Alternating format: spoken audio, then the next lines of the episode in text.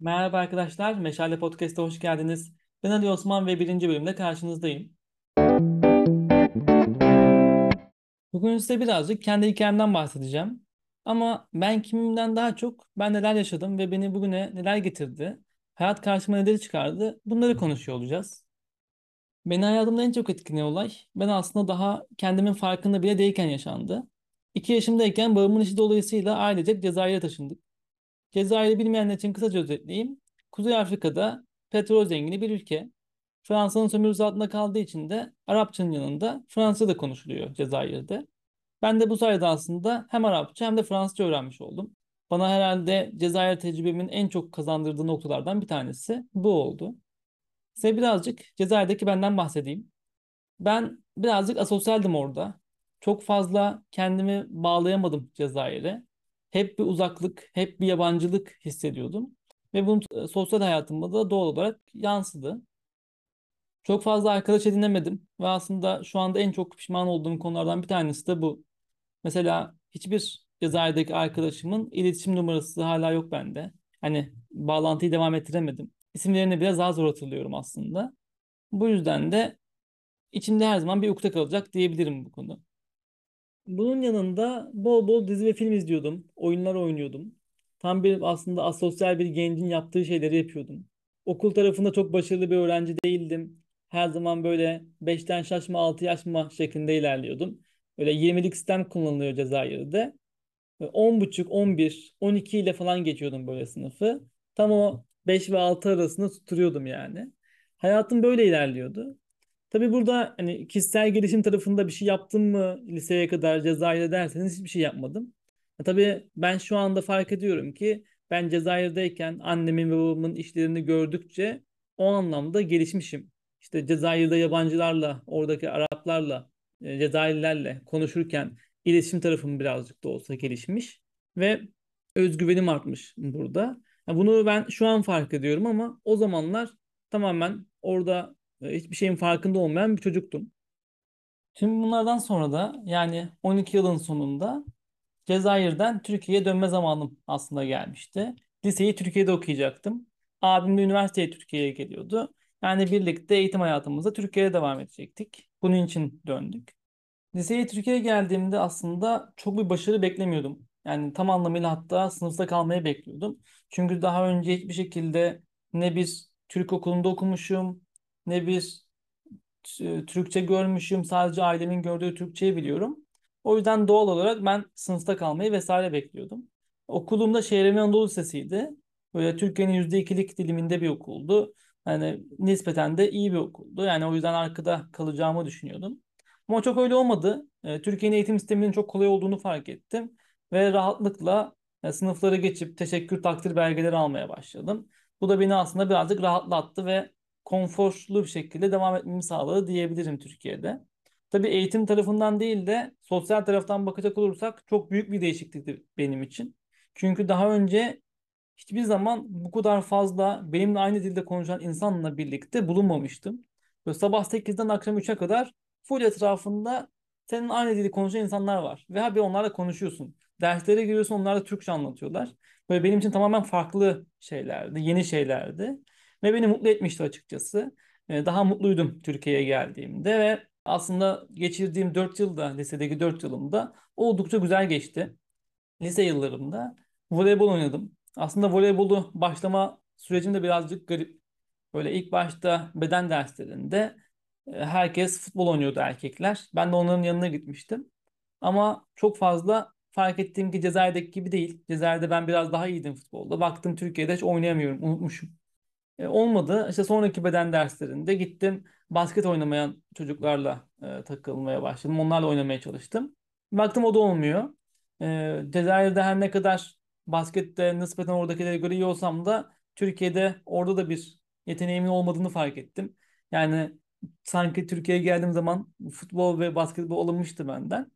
Sonra ondan sonraki haftada voleybol oynamaya karar verdim. Orada çünkü bir voleybol, bir basket, bir futbol oynayanlar vardı. Voleybol oynayanların yanına gittim. İlk defa orada voleybol oynadım. Cezayir'de oynamamıştım hiç daha önce.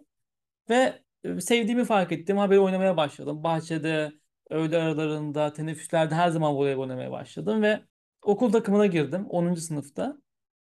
12. sınıfa kadar da aslında okul takımında kaldım. Böyle en köklü okul takımındaki kişilerden e, birisi haline geldim bizim arkadaşlarla beraber. Çok güzel bir ortam olmuştu. E, hala da yani o zamanlarda şu anda voleybolu çok severim. Böyle bir hayatta tutkumdur. Gerçi son zamanlarda çok fazla oynayamıyorum voleybol. Umarım yakında tekrardan başlayabilirim oynamaya. Bunun yanında böyle Türkiye'ye gelmiş olsam bile hiçbir şekilde kafamda bir kariyer olarak ne yapmam gerektiği hakkında bir şey yoktu. E, sayısal öğrencisiydim çünkü doğal olarak hani Türkiye'de ne tarih ne coğrafya ne edebiyat biliyorum ve e, matematik, fen birazcık daha böyle benim aklıma daha yatan, daha çok anlayabildiğim konulardı. Bu yüzden sayısalcıydım. Hiçbir zaman eşit ağırlık veya sözel düşünmemiştim. E, ne olabilirim diye düşündüğümde baktığımda da hiçbir şekilde bir e, bölüm, hiçbir şey aklıma gelmiyordu. Bir isteğim, bir hedefim yoktu. İşte bir ara e, iç mimar olayım diyordum ilk Türkiye'ye geldiğim zaman. Ama bunun hiçbir dayanağı yok. Nereden aklıma geldi şu an onu bir hatırlamıyorum. Sonra bir ara 11. sınıfta böyle dershaneye vesaire başlayınca ne olacaksın sen, ne istiyorsun dendiğinde yine aklımda bir şey yoktu. Ve sadece bilmediğim şeyler vardı. Yani tıp okumak istemediğimi biliyordum. Tıp hayatta okuyamazdım veya diş de aynı şekilde okuyamazdım. Mühendis de çok fazla olmak istemiyordum. Yani mühendis olup inşaat mühendisi atıyorum. Olup ne yapacaksın Ali Osman diyordum. Çok da zaten bölümler hakkında bir bilgim yoktu. Sonra dedim ki ben kaptan olayım. Kaptanlık için böyle bir düşüncelere vardım. Diyordum ki işte 11. sınıfın başında ben kaptan olurum. Ayda 3000 dolar maaş alıyorlarmış. İşte 3 ayda gidiyorlarmış uzun seferlere. Geldiğim zaman 12 bin dolar maaşı yerim. Birazını da biriktiririm. İşte 10-15 yıl sonra da o birikimimle e, ufak bir dükkan açarım. Hayatımı sürdürürüm gibi boş bir kafada, hiçbir hayali, hiçbir hedefi olmayan aslında bir çocuk olarak devam ediyordum. Lise 11. sınıftayken. Aslında çok da uzak değil şu anki bana. Sonra e, bir girişimcilik etkinliğine katıldım. Girişimcilikle danıştım. Ve bu benim hayatımı aslında tam anlamıyla değiştirdi. Çünkü ilk bir katıldığım girişimcilik etkinliğinden e, birinci olduk, derece aldık. E, ve ben ondan sonra başarılı olduğumu görünce katılmaya devam ettim bu etkinliklere. Ve hepsinden böyle dereceler aldım, çok zevk aldım, çok kendimi geliştirdiğimi hissettim ve 11. sınıf sonunda ben birazcık daha evet benim hayatta yapmak istediğim şey bu demeye başladım. Girişimcilik demeye başladım. Ve buna yönelik de baktığım zaman ben kaptan olamayacağımı ve farklı bir bölüme yönelmem gerektiğini fark ettim. Baktığımda da yönetim bilişim sistemleri adında bir bölümle karşılaştım. İşte hem yazılım hem de işletme derslerinin, yönetim derslerinin olduğu bir bölümdü. Dedim ki girişimci olacaksam ben zaten küçüklükten bir tasarım bilgim var. Bunun yanında yazılım da öğrensem, işte yönetim de öğrensem ne güzel. Zaten başka bir şeye ihtiyaç var mı girişimci olmak için gibi bir kafayla yönetim bilişim sistemleri bölümüne hazırlanmaya başladım. Şöyle bir sorun vardı. Bölüm eşit ağırlıktaydı. Bu yüzden ben de 12. sınıfta eşit ağırlığa geçtim ve 11. sınıftaki tüm o dershane süreci boşuna olmuş oldu aslında. 12'ye geçtiğim zaman da işte okulumda girişimcilik kulübünde koordinatörlüğünü yaptım. Okula da girişimcilik için bir sürü çalışma gerçekleştirdik. Orada 12. sınıfta etkinliklere gitmeye devam ettim girişimcilik etkinliklerine. Bu sefer tek başıma değil, yanımda alt dönemleri de götürüyordum. Onları da yetiştirmek amacıyla. Gayet güzel bir şekilde ilerliyordu. Ben böyle lise hayatım boyunca hani 10-15 e, hani etkinliğe katıldım. Tam sayı aklımda olmasa da. E, çok kendimi geliştirdiğimi, girişimciliği de bildiğimi düşünüyordum. Çünkü işte gidiyorum dereceler alıyorum. Gidiyorum başarılı oluyorum. Bu da benim egomu da yükseltiyor. Ve ben biliyorum demeye başlamıştım. Sonra böyle girişimcilikle ilgili bir sürü sayfa takip ediyorum. 12. E, sınıfın sonunda bir ilan gördüm. Tabii o zamanlar pandemi başladı bu arada. Pandemi var. Üniversite sınavıma da 3 ay kalmış durumdayken. Bir ilan gördüm. Entercom adında bir girişimin ekip arkadaşı ilanı. Ben de onları takip ediyordum. Daha önce bir etkinliklerine katılmıştım vesaire. Ee, bir ilgilendim. Yani hiçbir beklenti içerisinde olmadan başvuru formuna baktım. Ama tamamen meraktan bakıyorum. Başvuracağımdan değil çünkü başvurabileceğime dair bir inancım yok. Neden yok? Çünkü bir lise öğrencisiyim ve bir lise öğrencisinin bir yer çalışma ihtimalini ben aklımda öyle bir seçenek yok yani öyle bir bilgim yok çalışamaz diye düşünüyorum. Ee, o yüzden bakıyorum öyle merak ettiğimden. Bir baktım orada öğrenim durumunda lise öğrenci seçeneği de var. Yani ekip arkadaşı olarak lise öğrencisi de girebiliyor anladım ben buradan. Ve e, hemen o başvuru formunu doldurdum. Ama göndermeden önce iki gün bekledim. Düşündüm. Yani taşındım acaba başvursam mı başvurmasam mı? Üniversite sınavıma 3 ay kalmış. Mantıklı bir hareket mi diye kendimi sorguluyorum. Sonra dedim ki ben bu fırsatı eğer kullanmazsam hayatta bir daha karşıma böyle bir şey çıkmaz.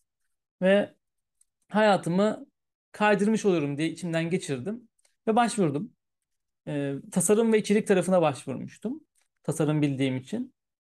Aynı zamanda okul kulübümde de böyle tasarımlar yaptığım için kulüp için birazcık elimde ısınıktı tasarım tarafına. Yani alışkındım. O yüzden yapabileceğimi düşünüyordum.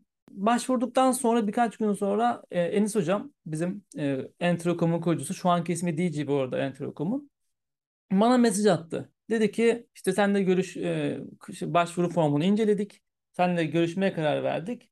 E, aşağıdaki linkten bir tarih seçip görüşelim. Ben çok heyecanlandım. Hemen bir tarih seçtim, teşekkür ettim vesaire. E, yanlış hatırlamıyorsam işte mesajdan 2-3 gün sonra görüşecektik. Hemen dedim ki ne, ne yapacağım? Şimdi hemen tabii mülakatı da girişi olacağı zaman ne yapmaya başladım? Daha fazla araştırdım Enterocom'u. Neler yapmışlar, nasıl faaliyetler yapmış, web sitesi nasıl, işte YouTube kanalı, Instagram sayfası, LinkedIn'e her şeye baktım. Sonra gördüm ki bir tane tasarımları var. En son paylaştıkları. Böyle web sitesinde de en öne koymuşlar vesaire. Ee, çok kötü. Böyle Comic Sans kullanılmış. Gölgelendirme çok kötü. Böyle gerçekten de hiç içime sinmeyen ve benim kötü bulduğum bir şeydi. Sonra dedim ki ben madem tasarım ilanı için yani tasarımcı olarak gidiyorum bu görüşmeye ben bunu yapayım. O ekran görüntüsü aldım hemen o kötü tasarımın ve kendimce daha kullanıcı odaklı, daha estetik bir tasarım haline çevirdim.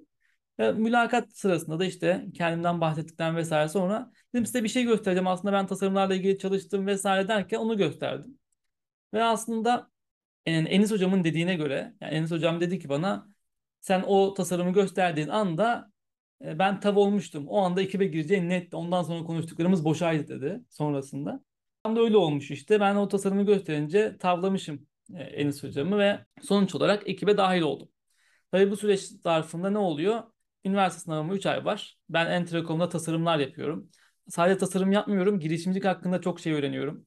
İşte girişimlik etkinliklerine katılmaya devam ediyorum online olarak bu sefer. E, kendimi geliştiriyorum. Tabii Entrecom'da ben şunu fark ettim.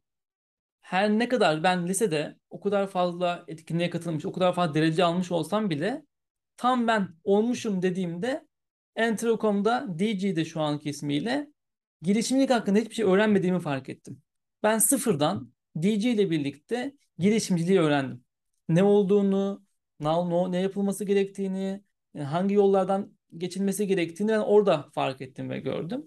Bunun üzerine de bu liselerdeki işlerin e, beni kötü bir şekilde yönlendirdiğini, e, beni yanılttığını fark etmiş oldum. Benim için gerçekten de bu fark yani hayatımda en çok fark yaratan olaylardan ikincisi vesaire diyebilirim bu olay. Çünkü eğer ben bunu fark etmeseydim şu anki kurucusu olduğum TEİN'i de kurmamış olacaktım. E, liseden mezun olduktan sonra e, ne yaptım? E, üniversite sınavında YKS'de 80 bin yaptım eşit ağırlıktan. E, Işık Üniversitesi'nde yönetim bilişim sistemlerine yazıldım. Tam burslu olarak tabii ki. Ardından da Eylül ayında TEİN'i kurdum. TEİN'de aslında liselilere girişimciliği öğretmek, doğru bir şekilde öğretmek, kaliteli, verimli ve sürdürülebilir girişimcilik ekosistemi yaratmak adına kurduğum bir oluşumdu. Biz ne yapacaktık burada? Organizasyonlar düzenleyecektik, etkinlikler yapacaktık, farklı faaliyetler yapacaktık, çalışmalar, projeler geliştirecektik ve bunların hepsi de liselilerin girişimciliği keşfetmesi, girişimcilik hakkında daha fazla şey öğrenmesi için olacaktı. Bu şekilde bir oluşum kurmaya karar verdim ve kurdum. Tabii tek başıma kurmadım. E, için ilk böyle etrafıma baktığım zaman ilk aklıma Entrecom'daki ekip arkadaşım Su geldi. Su da bir lise öğrencisiydi ve yine benim gibi lise girişimcilikle ilgileniyordu. Dedim ben böyle böyle bir şey yapmak istiyorum. Ne diyorsun var mısın? Sen de ekibe e, kurucu ortak olarak gelir misin dedim. Dedi ki gelirim, isterim, yapalım dedi. Ve Su'yla beraber başladık. Hemen çevremizden bir ekip topladık. İlk organizasyonumuzu Ekim ayında düzenledik. Ve benim hayatımı şu anda oluşturan T'nin de ilk adımlarını bu sayede atmış oldum. Ondan sonra her şey hızlı hızlı gelişti ve aslında e, hayatımda T'in, Enterocom üzerinden dönmeye başladı. Çok fazla üniversitemde bir faaliyet gösteremedim. Çünkü ilk yılımda pandemi sebebiyle online'dı. Ha bir de Tein'e odaklandım. Tein'i geliştirdim. Enterocom'la uğraştım. Enterocom'da tabii ki artık sadece tasarım yapmıyordum. İş geliştirici olarak çalışıyordum. Hem program düzenliyordum hem toplulukla ilgileniyordum. Moderasyon gerçekleştiriyordum. Artık daha da ekosistemin içine girmiştim. Enterocom, şimdiki ismiyle DJ ile. Bunların hepsi beni çok geliştirmişti. Tein'de şu an için konuşmam gerekirse işte 20 tane organizasyon düzenledik. İşte hem fiziksel yaptık hem online yaptık. Sonra binlerce kişiye ulaştık. Yüzlerce kişiye ben gittim şahsen birebir şekilde eğitimler verdim. Bunların hepsi beni çok mutlu eden şeyler ve benim bugünkü ben olmamı sağlayan konularda diyebilirim. Tabii Teyin ve Enterokom sürecinde ben bütün bunları yaptıktan sonra şunu gördüm. Ben bunları yapmaktan hoşlanıyorum. Ben gelecekte de bunları yapmaya devam etmek istiyorum. Bunu görünce de şu anki okuduğum yönetim bilişim sistemlerinden birazcık soğudum açıkçası. Çünkü tabii ki de yönetim dersleri vardı ama daha çok yazılım odaklı bir bölümdü bu. Ben de yazılım yapmak istemiyordum. Her ne kadar birazcık anlasam da birazcık işte bölümdeki sınıftaki derslerim iyi olsa da ben yapmak istemediğimi fark edince de bir bölüm değiştirme aşamasına geçtim ve şimdi de Yıldız Teknik Üniversitesi'nde yatay geçişimi gerçekleştirdim. İşletme bölümünü okuyacağım. Bu şekilde de bir son gelişme oldu. Bu en son hayatımda gelişen olaylardan da bir tanesi. Hayatıma artık bu şekilde devam ediyorum. İşletme bölümünde olarak devam edeceğim. Umarım benim için gerçekten de güzel olur. Hepimiz bunu birlikte göreceğiz diyebilirim. Tabii bu teyin sayesinde hayatımda başka çok daha güzel şeyler de oldu. Mesela Avrupa'daki e, Vice adında bir şirketin, uluslararası para transfer şirketinin 20 yaşın altındaki 20 girişimciden biri seçildim.